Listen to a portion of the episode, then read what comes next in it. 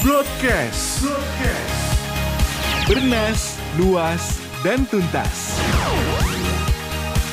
Powered by Business Indonesia.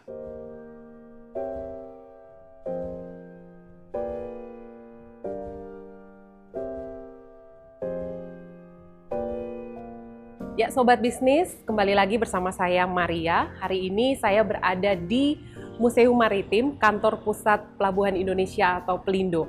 Siang hari ini saya spesial bertemu dengan Pak Arief Soehartono, Direktur Utama PT Pelabuhan Indonesia atau Pelindo. Kita langsung ketemu yuk. Halo Pak Arief. Apa kabar Mbak Maria? Baik, Selamat datang baik. di Iya, ini- Museum Maritim. Pertama kalinya saya datang ke sini, eh, saya kepingin ini hari ini banyak sekali topik yang ingin saya bicarakan. Oke. Kita ngobrol-ngobrol, tapi kita mulai dari situ kali ya Pak. Oke. Ini menarik tempatnya. Ini apa sih sebenarnya Pak? Ini adalah saat ini sebagai gedung Museum Maritim. Oke. Jadi awal mulanya ini adalah gedung kantor cabang Pelabuhan Tanjung Priok. Ini adalah salah satu gedung yang menjadi heritage di mana ini eh, dibangun sudah cukup lama dan di sini kita fungsikan menjadi museum maritim eh, di eh, Indonesia. Oh, oke. Jadi di sini adalah diceritakan secara awal mulanya apa eh, aktivitas kemaritiman yang ada di Indonesia, di mana Indonesia itu adalah dulunya ini ada sekitar sekian ribu tahun terjadi apa eh, perdagangan dan eh, banyak sekali aktivitas di apa eh, Asia Timur. Ini adalah kelihatannya eh, ingin disampaikan kepada generasi muda bahwa negara kita adalah negara, negara maritim yang dimulai dari sekian ribu tahun yang lalu.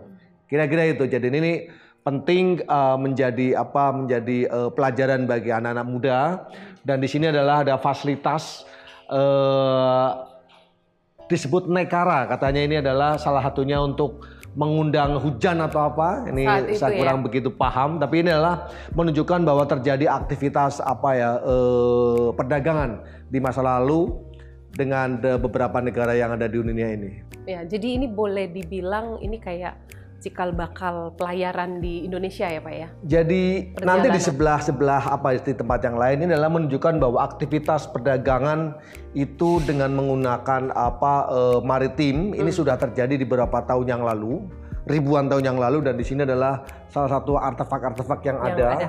Dan di sini adalah eh, mostly adalah dari dari Cina.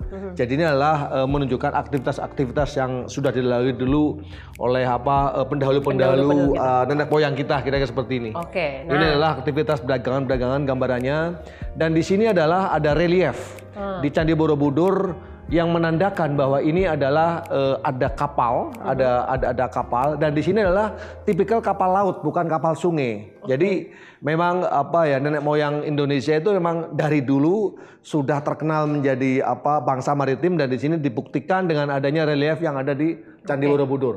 Nah, ini Pak, ini pas banget nih kita ada di sini. Saya mau tanya satu pertanyaan yang kemarin dari kemarin tuh mengganggu saya. Hmm. Ini 1 Oktober Hmm. sudah mau menjelang satu tahun. Ulang tahun Pelindo, Pelindo. Merger. Nah, Hmm. ini ceritakan dong Pak proses panjang sampai ke saat ini.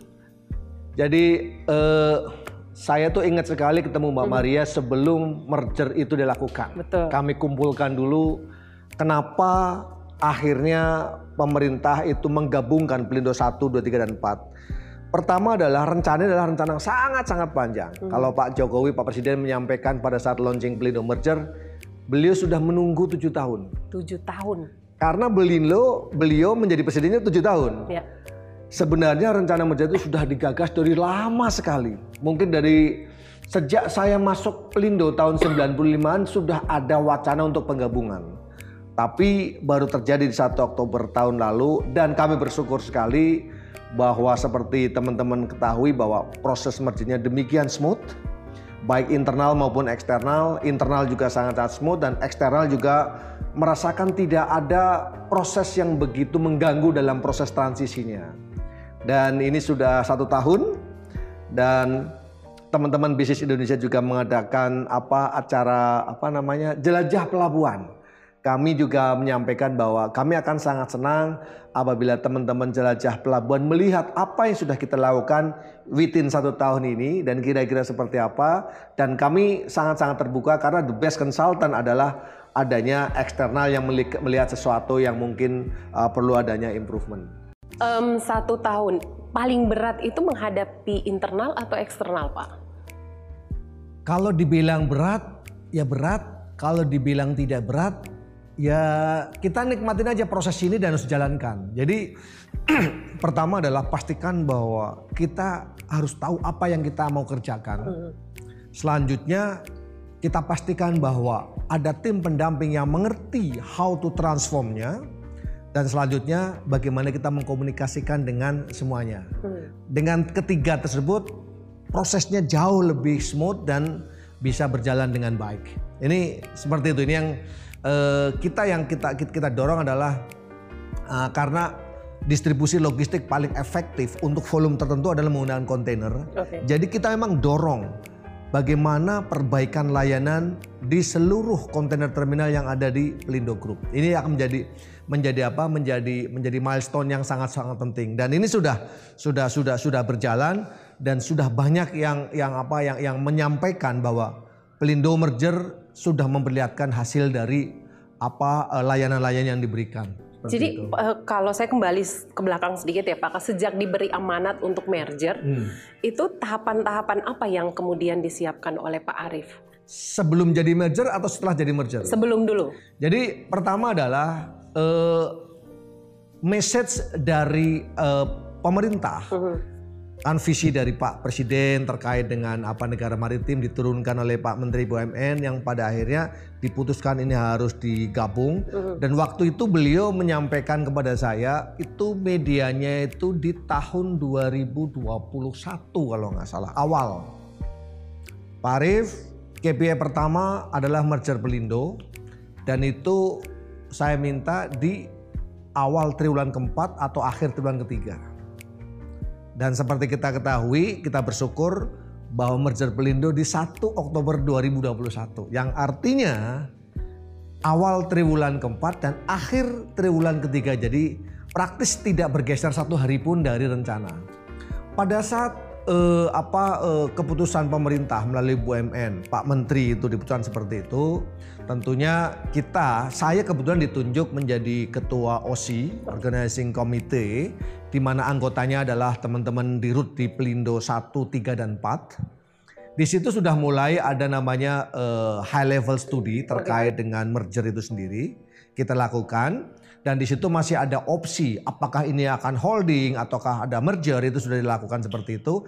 Dan dari studi tersebut yang paling bagus adalah merger. Merger. Oh jadi ada dua pilihan waktu. Ada dua pilihan.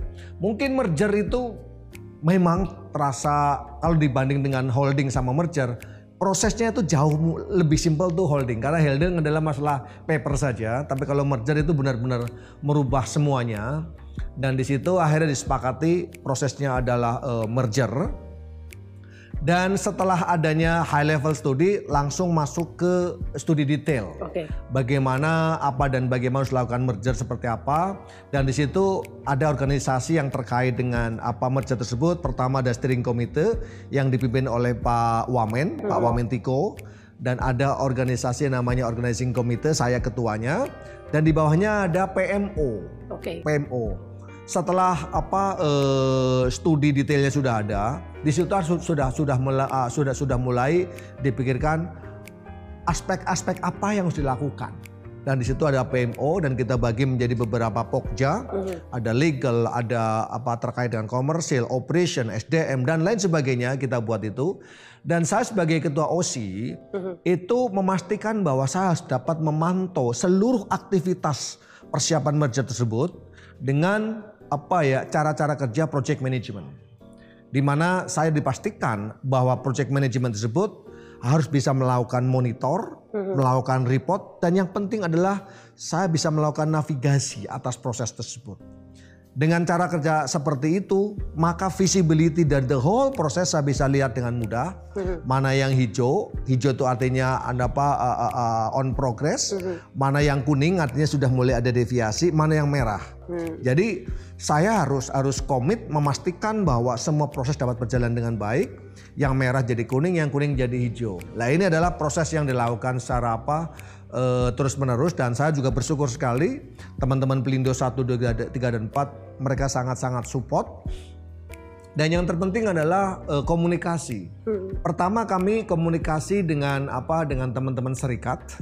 Kita jelaskan kenapa seperti ini seperti seperti ini, apa uh, apa pertimbangannya, kenapa harus di merger dan sejak pertemuan pertama, saya sampaikan dengan jelas kepada mereka, hmm. mereka menyampaikan bahwa kami mendukung program ini. Ini adalah salah satu komitmen yang luar biasa dari teman-teman serikat. Saya ketemu dengan teman-teman ketua serikat 1, 2, 3, dan 4. Dan mereka menyampaikan, saya mendukung, kami mendukung program ini. Ini Tidak adalah, ada gejolak sama sekali? Enggak ada gejolak sama sekali. Karena kami sampaikan bahwa bahwa uh, manfaat merger seperti seperti apa. Hmm. Dan saya waktu itu promis kepada mereka ada dua hal yang kami uh, pegang. Pertama adalah tidak ada pengurangan penghasilan. Oke. Okay. Dan yang kedua adalah tidak ada rasionalisasi. Itu adalah komitmen kami semuanya. Karena pada umumnya kalau merger, hmm the easily to cut cost adalah by cutting the number of employee kan itu paling paling gampang seperti itu. Tapi kami sampaikan bahwa bahwa tidak ada uh, pengurangan penghasilan dan juga tidak ada uh, apa uh, rasionalisasi. Ini kita sampaikan seperti itu. Selanjutnya proses berjalan dan komunikasi ke pihak pada stakeholder kita lakukan kepada Komisi 6 kita lakukan dan kami mencoba komunikasi. Baik person kita coba jelaskan. Kalau seandainya ada mungkin bahwa Pak anggota dewannya mungkin belum belum belum dapat informasi utuh kita sampaikan sama mereka. Dan kami bersyukur sekali raker pertama terkait merger. Itu waktu itu saya ingat agak malam dari dari sore sampai malam. Dan kesimpulan pertama adalah Komisi 6 mendukung rencana merger Pelindo. Jadi inilah satu proses yang dapat kami lakukan dengan dengan dengan apa ya dengan komunikasi yang bagus. Karena saya punya prinsip informasi yang bagus disampaikan dengan cara yang bagus maka akan direspon dengan baik. Dengan baik. Ini adalah yang terjadi pengalaman saya dengan teman-teman serikat dan juga dengan teman-teman Komisi 6. Kalau saya melihat ini juga keberhasilan Pak Arief membangun narasi yang tepat gitu kepada publik juga sih sebenarnya. Eh kalau saya sih lagi-lagi saya menyampaikan dengan cara yang benar. Uh-huh. Jadi saya bilang penting bagi saya adalah informasi disampaikan dengan cara yang jujur, sincere. Uh-huh. Dan saya berharap dengan kepolosan kita menyampaikan informasi, maka akan direspon juga mereka dengan sesuatu yang polos. Jadi ini adalah murni apa ya aspek teknisnya seperti apa. Jadi kita sampaikan dengan baik mereka kepada mereka dan pada akhirnya mereka mereka apa ya uh, bisa accept apa yang menjadi uh, program dari pemerintah ini. Nah itu sebelum, kalau setelah merger. Jadi kami itu kan membuat beberapa janji-janji apa yang dilakukan, apa yang akan dilakukan Pelindo uh, pada saat sebelum merger. Nah tentunya pertama yang kami sampaikan adalah dengan adanya gap capability dari 1, 2, 3, 4 meliputi people, experience, dan finance pada akhirnya akan memberikan layanan yang berbeda-beda. Betul. Nah, itu yang kami sampaikan kepada kepada teman-teman Pelindo. Ayo, program pertama adalah bagaimana melakukan improvement atas layanan yang ada di Pelindo. Dan karena saya apa eh, distribusi logistik yang paling efektif untuk volume tertentu adalah kontainer, maka kami dorong kami dorong kontainer harus segera memberikan suatu apa suatu hasil karena apa di 1 2 3 dan 4 customer itu mungkin sekitar 60-70% sama. Oke. Okay. Customernya sama, kalau prosesnya nggak sama kok rasanya kok nggak pas. Lah karena kita bicara masalah kontainer, itu adalah bicara kapal yang scheduler. Hmm. Jadi pastikan bahwa network tersebut dapat berjalan dengan optimal apabila masing-masing pelabuhan mempunyai performansi yang stabil. Okay.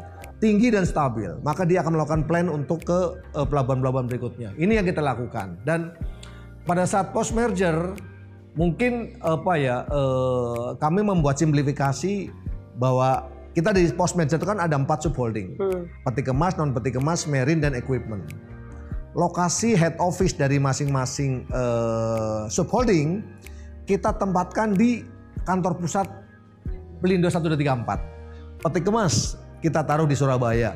Dan mostly orang-orang yang di sana adalah orang-orang X3. Non peti kemas di Medan, mostly orang-orang satu. Marine Equipment di Makassar, mostly orang empat. Ini adalah untuk mempermudah dulu.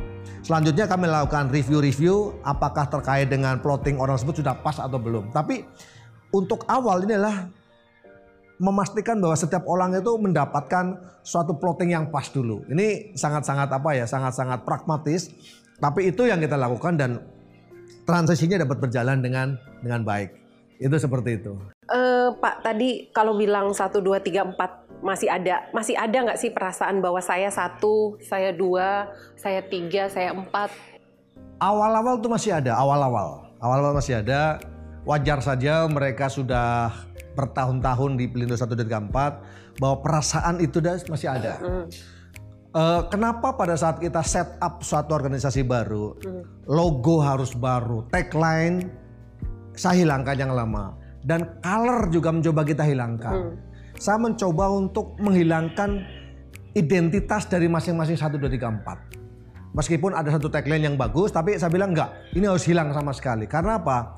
Ini menjadi simbol bahwa kita creating new company dan kita berharap menjadi new culture. Hmm. Awal-awal masih ada dan ya wajar, kami juga saya memberikan satu waktu mungkin 2-3 bulan untuk mereka untuk mencoba untuk wajar sesuatu yang lama, tiba-tiba kita rubah juga kita nggak mau nanti crack. Kita siap apa uh, persilahkan mungkin terkait dengan sistem juga seperti itu bahwa kami lebih bagus ini lebih bagus. Saya bilang biarin saja.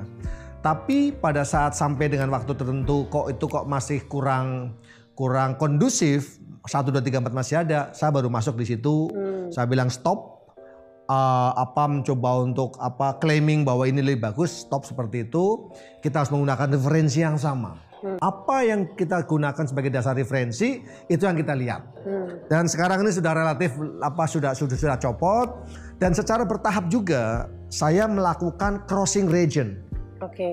Jadi pertama mungkin ada teman-teman dari apa direksi dari uh, dulu anak sekarang menjadi cucu yang dari region 1 misalnya ke region 4, region 2 ke region berapa, crossing region itu dilakukan untuk teman-teman uh, direksi dan sekarang sudah mulai ada level GM. Oke. Okay. GM sudah mulai crossing juga, itu sudah terjadi. Kalau di, di head office itu sudah gabungan dari dari X 1, 2, 3 dan 4 ada semua di situ. Hmm. Jadi secara bertahap sekarang sudah mulai apa ya hilang 1 2 3 4-nya dan kita juga melakukan event-event bareng-bareng yang mereka sudah mulai terjadi apa ya penyatuan. Mereka sudah mulai kerasa bahwa kita sudah satu. Kita pelindung. Dan apa rasa satu dan tiga empat sudah relatif sudah hilang. Kira-kira seperti itu. Jadi Pak kalau uh, lihat walaupun secara umum smooth ya, hmm. tapi pasti ada tantangan lah. Yang paling berat itu apa sih? Saya sih pada saat membuat plan, pastikan kita itu tahu goalnya dan kita harus membuat sesuatu yang in detail mm -hmm. ya bahwa tantangan yang paling berat menurut saya ya ini hmm. satu dua tiga empat itu kan gap terkait dengan package itu kan cukup tinggi. Cukup tinggi. Lah mungkin bukan tantangan tapi menjadi beban perusahaan bagaimana kita berkomunikasi dengan baik kepada teman-teman bertahap cara alignmentnya itu secara bertahap. Tapi kalau terkait dengan apa ya cara kerja atau apa ya secara apa ya eh, lambat laun mereka juga bisa bisa bisa ngeblend dan pasti culture juga sudah mulai kebentuk secara perlahan. Nah ini sekarang hampir satu tahun hmm. kinerjanya seperti apa secara umum pak? Karena PR kami yang paling awal adalah bagaimana memperbaiki atas layanan yang ada, layanan yang ada dan selalu saya sampaikan bahwa bagaimana cara Pelindo membantu logistik cost adalah dengan cara perpendek port stay sama cargo stay. Oke. Okay.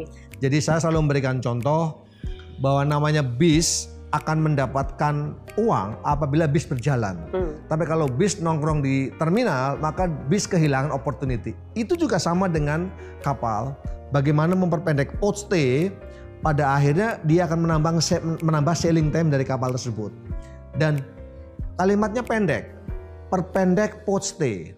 Tapi proses untuk memastikan bahwa poste pendek ini adalah dimulai dari pre-berthing, berthing dan post berthing. Pre-berthing ini dilakukan oleh uh, subholding uh, marine equipment, berthing subholding terminal yaitu ada peti kemas dan non peti kemas dan post berthing ini balik ke marine sama equipment lagi. Ini adalah prosesnya panjang. Dan ini harus melalui satu proses bagaimana mentransform bisnis proses yang ada. Saya pastikan bahwa semua proses itu harus berdasarkan planning and control, harus dipersiapkan, persiapkan resources yang akan dideploy. Kalau untuk yang terminal, persiapan dermaga, persiapkan lapangan, persiapkan orang dan persiapkan alat. Itu dipersiapkan dan during operation juga sudah akan kontrol monitoring. Oke. Okay. Dan terakhir pada saat reporting sampai dengan billing itu harus dikontrol semuanya. Dan ini sudah sudah sudah berjalan dan nanti teman-teman akan bisa melihat bagaimana perbaikan atas layanan yang sudah diberikan. Contoh misalnya di Makassar, di Medan, hmm. di Sorong, di Jayapura, di Ambon. Dan sekarang lagi teman-teman lagi uh, membuat apa ya implementasi anu operating system yang baru yang ada di Makassar. Yang ke depannya nanti seluruh Indonesia akan menggunakan single system sehingga nanti akan terjadi komunikasi antar terminal dan juga antar terminal dengan shipping lain dan yang penting adalah orang akan pindah dengan mudah dari terminal satu ke terminal lain karena yang dilihat sama dan cara prosesnya sama. Ini adalah the beauty menggunakan single system adalah seperti itu.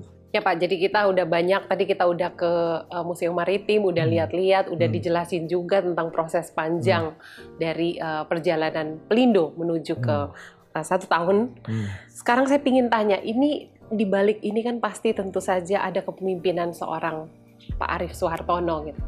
Gaya kepemimpinan apa yang Bapak terapkan? Tentu tidak mudah dong.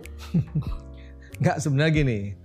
Uh, bicara merger dulu mungkin ya, bicara merger yang pertama adalah keberhasilan merger ini adalah satu leadership dari BUMN.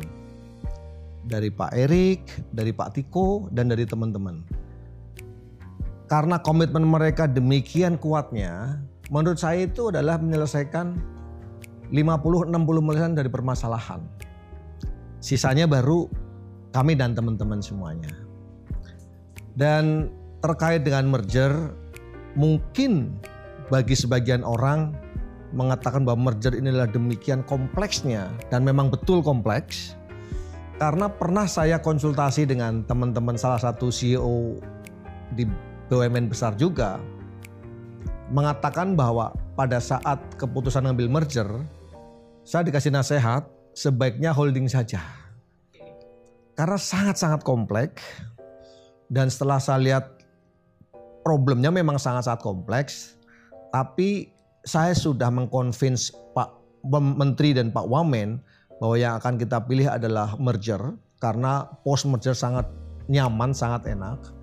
Memang merger itu tidak enak di awal, tapi setelahnya jauh lebih gampang. Holding gampang di awal, tapi ke belakangnya biasanya tetap aja agak sedikit problem. Dan di sini eh, saya sempat kepikiran untuk atret, untuk balik balik arah, tapi saya bilang eh, jalan terus saya bilang nggak ada masalah. Dan di situlah komitmen dari teman-teman semuanya. Saya sangat-sangat bersyukur. Semua dari pimpinan sudah clear seperti itu directionnya clear seperti itu dan sangat-sangat hands on beliau-beliaunya. Dan saat teman-teman di Pelindo 1, 2, 3 dan 4 waktu itu juga BOD-nya sangat-sangat support sangat-sangat uh, apa uh, engage dan teman-teman dari serikat juga sangat-sangat support. Ini yang membuat membuat saya sebenarnya jadi lebih ringan. Bagaimana saya berkomunikasi dengan mereka. Yang penting bahwa kami teman-teman BOD itu harus paham betul bahwa goalnya mau ke mana dan step 1, 2, 3 nya itu harus paham.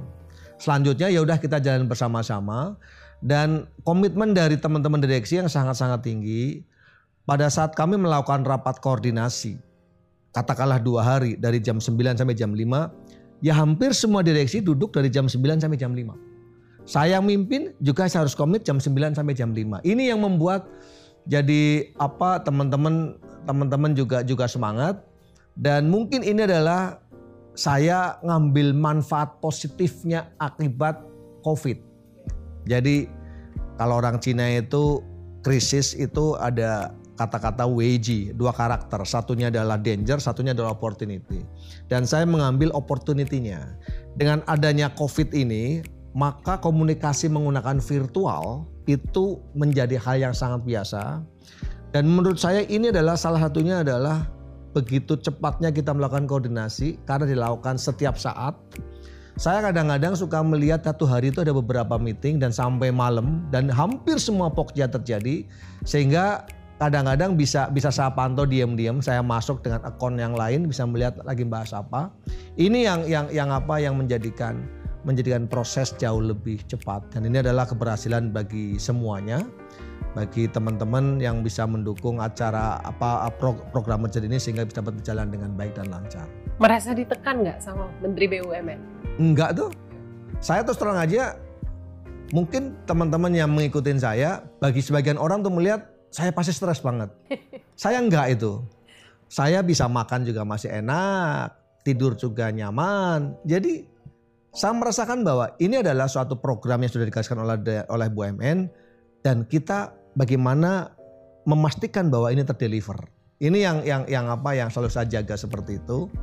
Dan memang banyak sekali yang dikerjakan, tapi semuanya itu masih under control sehingga ya saya tidak merasa ditekan. Tidak sama sekali. Sama sekali, sama sekali. Jadi support dari BUMN juga memang luar biasa besarnya ya Pak ya. Saya akan mencoba mengganggu beliau-beliau pada saat saya tidak bisa menghandle. Pada saat semua saya bisa masih kontrol, saya tidak perlu merepotkan beliau-beliau karena beliau-beliau juga saya yakin sudah sangat-sangat sibuk.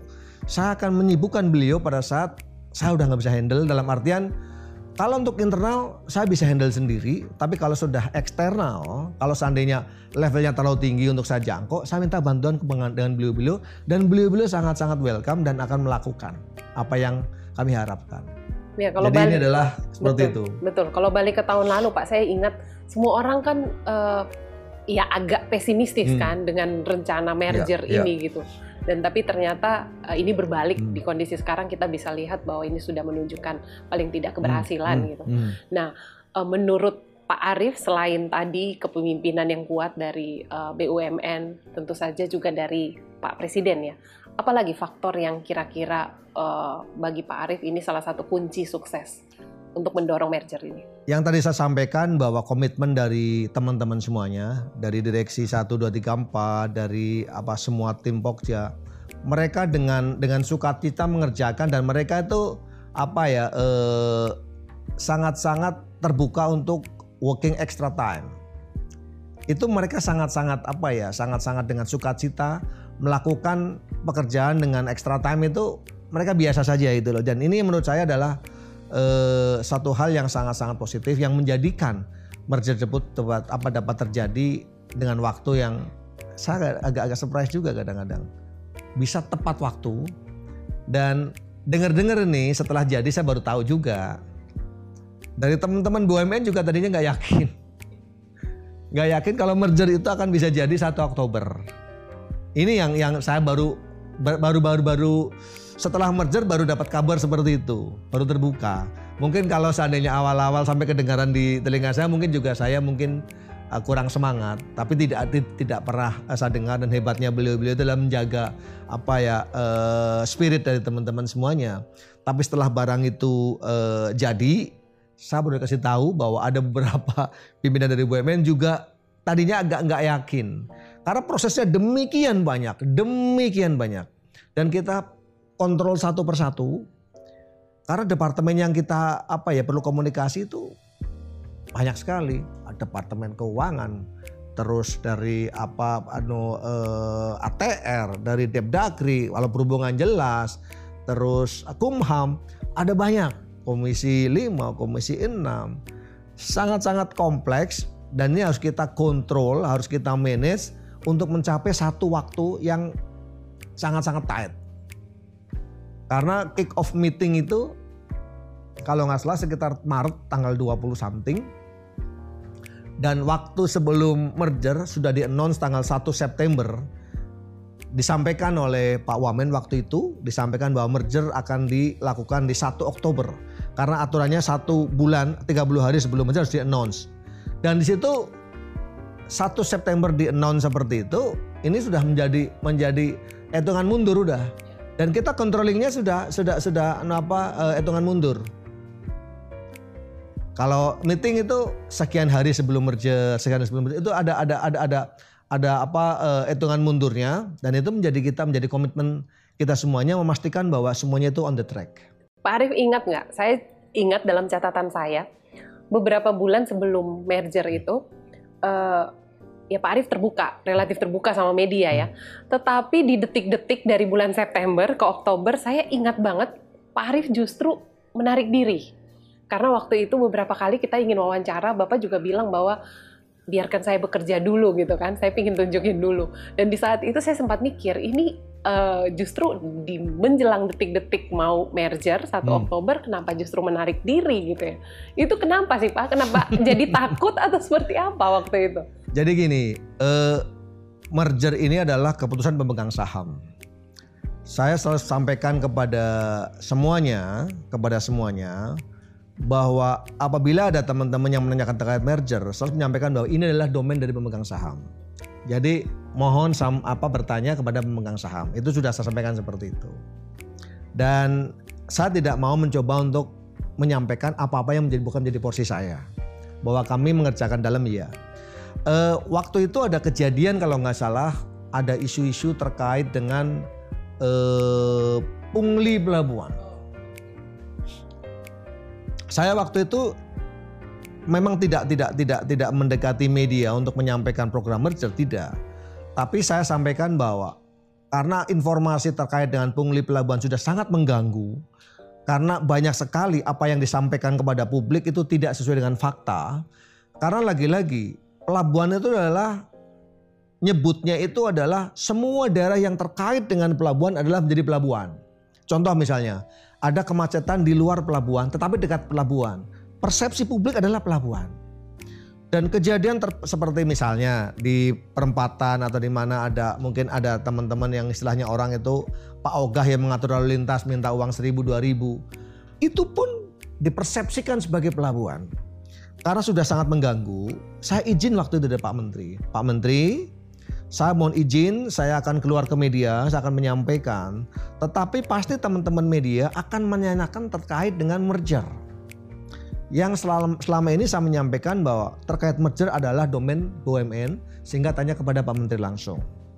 Saya waktu itu minta izin sama Pak Menteri, mohon izin saya akan menyampaikan ke media terkait dengan kemacetan. Tetapi imbasnya pasti media akan teman-teman akan menanyakan terkait merger.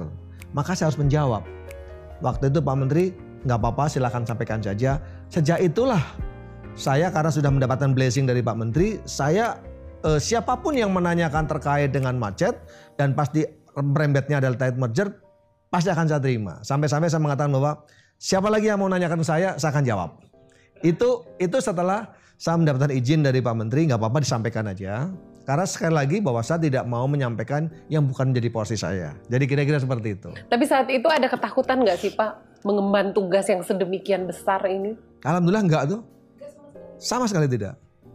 Saya menjalankan yang penting gini, jalankan suatu aktivitas dengan maksimal yang kita bisa. Squeezing diri kita itu semaksimal mungkin. Kita pasrah sama yang di atas, ya biarlah nanti hasil yang akan bicara. Artinya kita ini berusaha maksimal dulu, ditutup dengan doa, hasilnya kan bukan kita menentukan. Biarlah itu akan menjadi suatu proses yang yang yang yang menjadi sesuatu yang yang yang, yang mengalir saja gitu loh. Jadi kalau dibilang stres enggak, Enggak sama pikiran sekali. beban enggak. Sama sekali saya. Saya enggak enggak. Atau jangan-jangan berani ngomong tidak stres, tidak terbebani karena sekarang udah Enggak juga. Enggak juga. Saya kan juga tanya sama teman-teman, kamu lihat saya stres apa enggak? Saya suka suka suka khawatir itu loh. Karena saya nggak suka saya stres gitu loh. Jadi saya suka tanya teman, eh kamu lihat saya stres apa enggak? Enggak, kok tenang-tenang aja. Ya sih itulah betul lah berarti. Kira-kira seperti itu. Saya punya ini apa eh, jam yang bisa me- me- me- mengatur stres stres Oh, level ya. jadi kelihatan. Saya suka ngecek. Saya kadang-kadang bingung nggak bilang. Kok stres level saya itu antara rileks dan tidur. Jangan-jangan saya nggak kerja, nggak mikir, jangan-jangan. Karena hasilnya seperti itu. Saya cek, kok levelnya selalu antara rileks dan tidur itu loh. Jadi saya khawatir nanti Nggak orang bilang, jangan-jangan tuh. jangan-jangan teror itu loh. Error. Tapi saya terus terang aja, saya merasa bahwa saya tidak tidak tidak Tidak stres ya. ya biasa saja gitu loh. Hmm. Karena kan eh, saat-saat itu itu kan waktu pembenahan BUMN ya. Dan kalau bicara holding banyak sekali PR-nya kan di BUMN lain dan bicara merger ini juga mungkin satu-satunya ya. Satu yang paling berat eh, paling luar biasa karena menggabungkan empat kekuatan besar Ya. di pelabuhan menjadi satu. Eh, tetapi juga dengan cara merger itu yang kadang-kadang mungkin eh, wajar juga kalau semua orang berpikir bahwa ya nggak mungkin terjadi Hmm, gitu loh di hmm. bawah Pak Arief. Gitu ya Pak. Saya terus terang aja gini, eh, kalau teman-teman tahu puzzle itu ya, puzzle. Lihatlah hasil akhirnya saja. Pandanglah hasil akhirnya.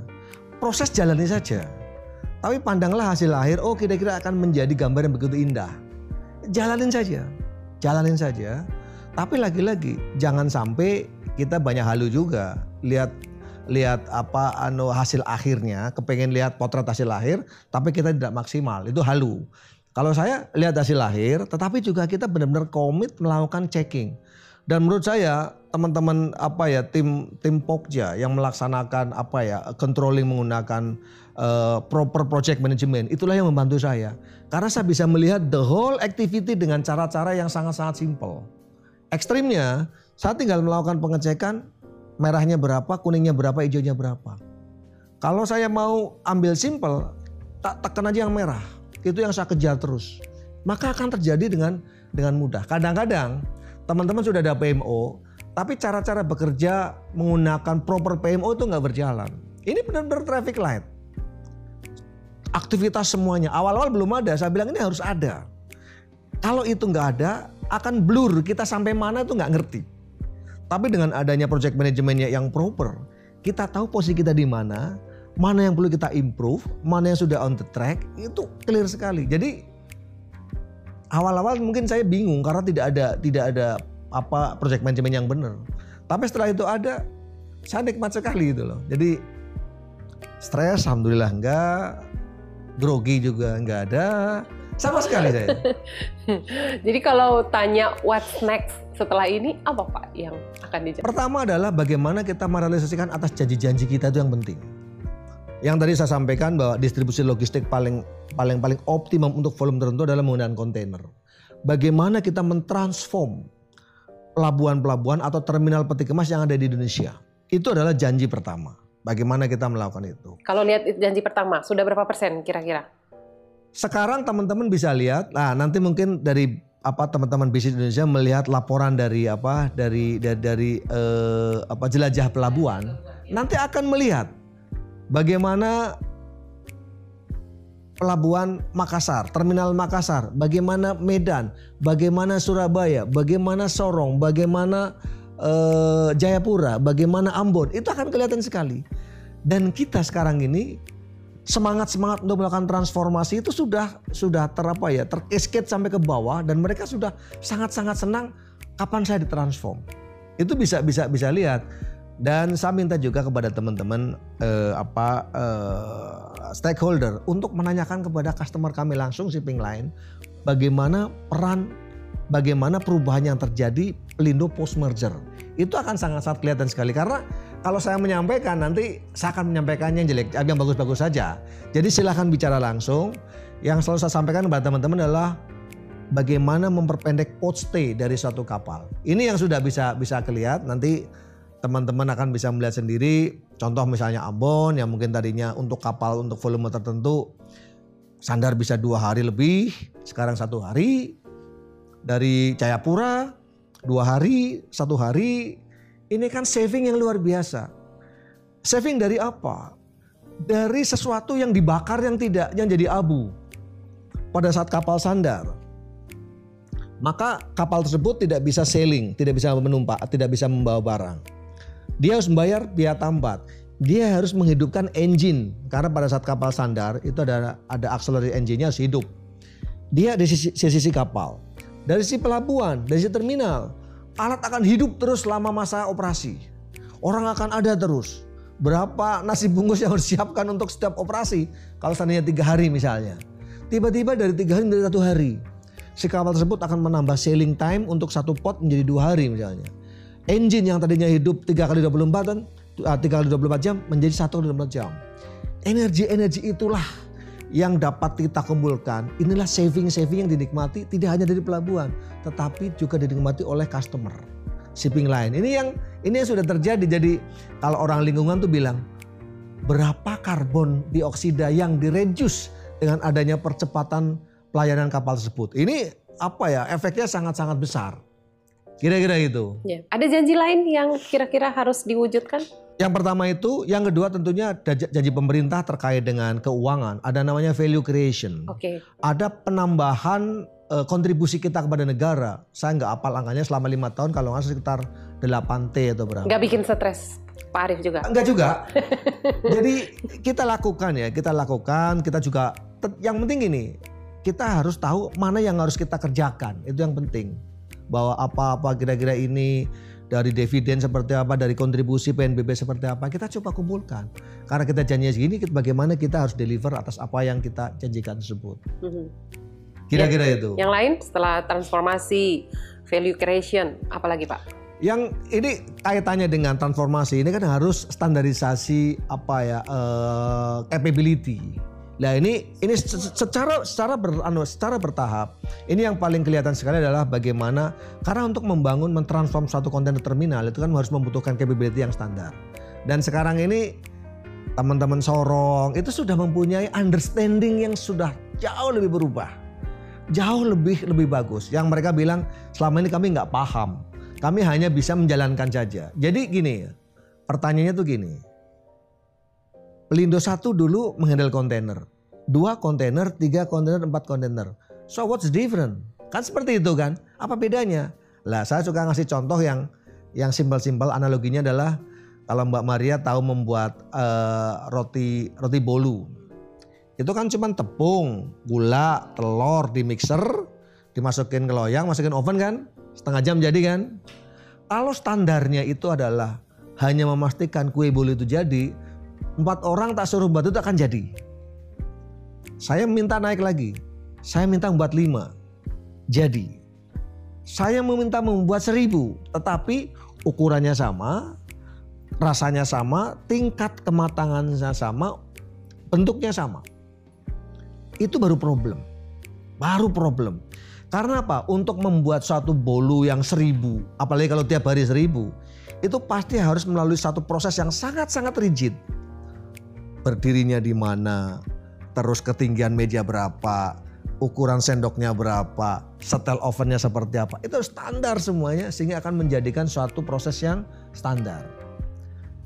Kalau standarnya itu adalah kue bolu, semua bisa. Tapi pada saat kita ngomong seribu kue bolu dengan rasa, ukuran, dan kematangan yang sama, baru problem. Yang kira-kira akan kita tuju adalah bagaimana membuat kue bolu seribu buah dengan rasa dan ukuran dengan kematangan yang sama. Itulah kita mentransform ke arah sana. Jadi dan di sini understanding dari teman-teman harus distandarkan dan ini alhamdulillah sudah mulai berjalan ke arah sana seperti yang tadi sampaikan endingnya outputnya adalah stay yang lebih bagus. bagus. Itu sudah terjadi. Jadi outputnya tuh di situ ya. Outputnya ke sana. Tapi proses menuju ke sana itu panjang sekali. Kira-kira gitu. Banyak sekali ya Pak. Kita kalau ngobrol-ngobrol tentang ini nih nggak habis-habis dan hmm. saya tahu tanggal satu besok juga ada acara ya. ya. Itu acaranya nanti gimana sih Pak? Uh...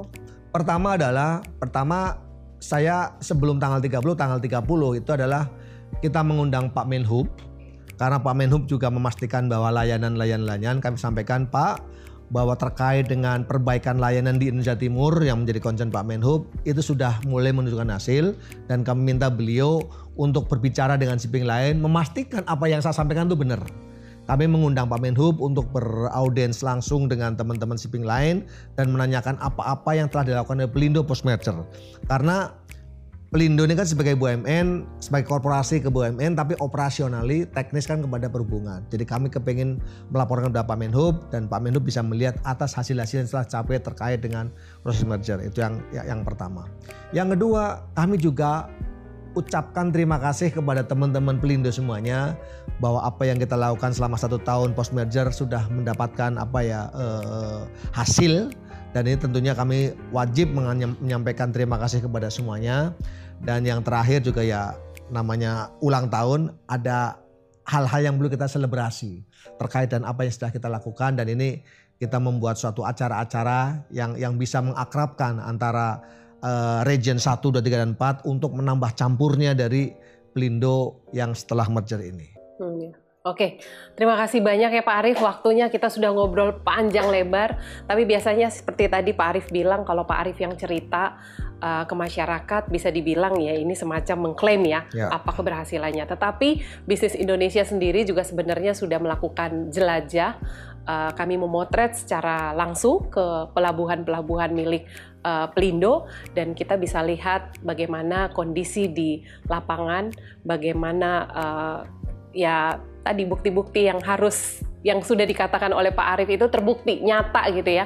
Uh, kita bisa melihat sendiri dalam laporan yang disajikan oleh Bisnis Indonesia di dalam uh, jelajah pelabuhan tersebut. Terima kasih Pak Arief waktunya. Terima Sukses kasih. terus dan harapannya uh, proses ini terus berjalan dengan baik sampai kepada tentu saja target akhirnya bahwa merger ini benar-benar membawa manfaat untuk Pelindo khususnya dan masyarakat, bangsa dan negara secara umum.